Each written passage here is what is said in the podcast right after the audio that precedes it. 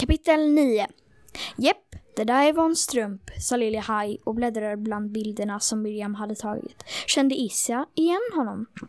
Issa nickade och Miriam strök honom över kinden. Ja då, sa hon. Visst gjorde han det. Decemberkvällen var kall. Vi stod på takterrassen till Miriams hus i Gamla stan och jag hu huttrade när jag tänkte på den lille farbrorn som hette Von Strump. Jag skulle också gärna Eh, jag skulle också känna igen honom om vi möttes igen, men jag hoppades att det aldrig skulle hända. Jag var trött på att alltid vänta på saker. På Niklasson skulle minnas och på att Magos pappa skulle komma och hämta oss. På vårt lilla nya liv i Sydafrika skulle börja.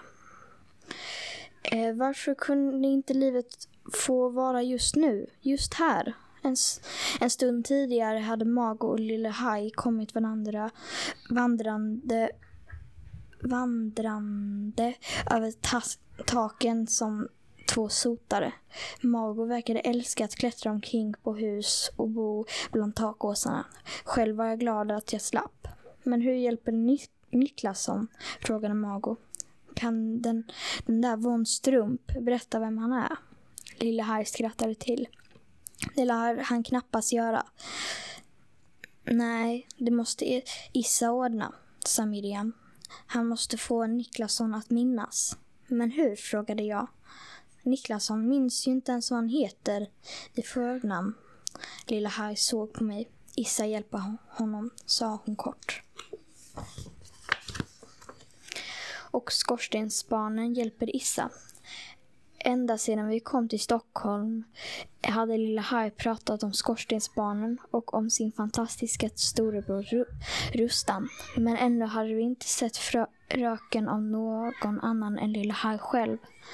Vad bra, sa jag och hörde att min röst lät arg. Om det där skorstensbarnen finns alltså. Finns alltså. Annars är ju Issa helt ensam. Lilla Haj såg förvånat på mig. Tror du inte att vi finns? Jag ryckte på axlarna, men svarade inte. Du då, Mago, sa Lilla Haj. Tror du inte heller på oss? Mago skruvade på sig. Jo, då, sa hon. Eller?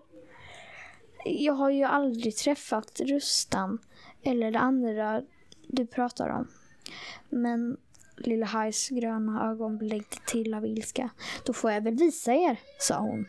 Då vände hon sig om mot norr och visslade en lång utdragen ton som en sorgsen fågels lock, lockrop. Det är lugnt, Lilla Haj, sa Mago. Även om det andra inte finns så tyst, sa Lilla Haj och höll upp en hand. Lyssna! Jag lyssnade en lång stund men hörde ingen, ingenting särskilt. Kanske ekade Lilla Hajs vissling genom gränderna i norr. Men det kunde lika gärna ha varit en inbildning. När ingenting hade hänt på flera minuter skakade jag på huvudet. Det gör inget Lilla Haj, sa jag. Det var snällt av dig att hjälpa oss. Men jag... Mm, tyst, sa Lilla Haj igen. Titta! Först förstod jag inte vad hon menade. Hon pekade ut över hustaken omkring oss, men där fanns bara skorstenar, vindfönster och takkupor.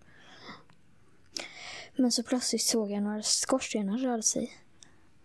Det kom närmare, men som Mago pekade, det är ju barn. Det var verkligen barn, säkert tio stycken, som hoppade mellan husen och klängde över taken. En lång pojke i 15-årsåldern 15-årsåldern var den första som landade på Miriams tak. Rustan heter jag, sa han och sträckte fram en smutsig hand mot mig. Du måste vara Stella.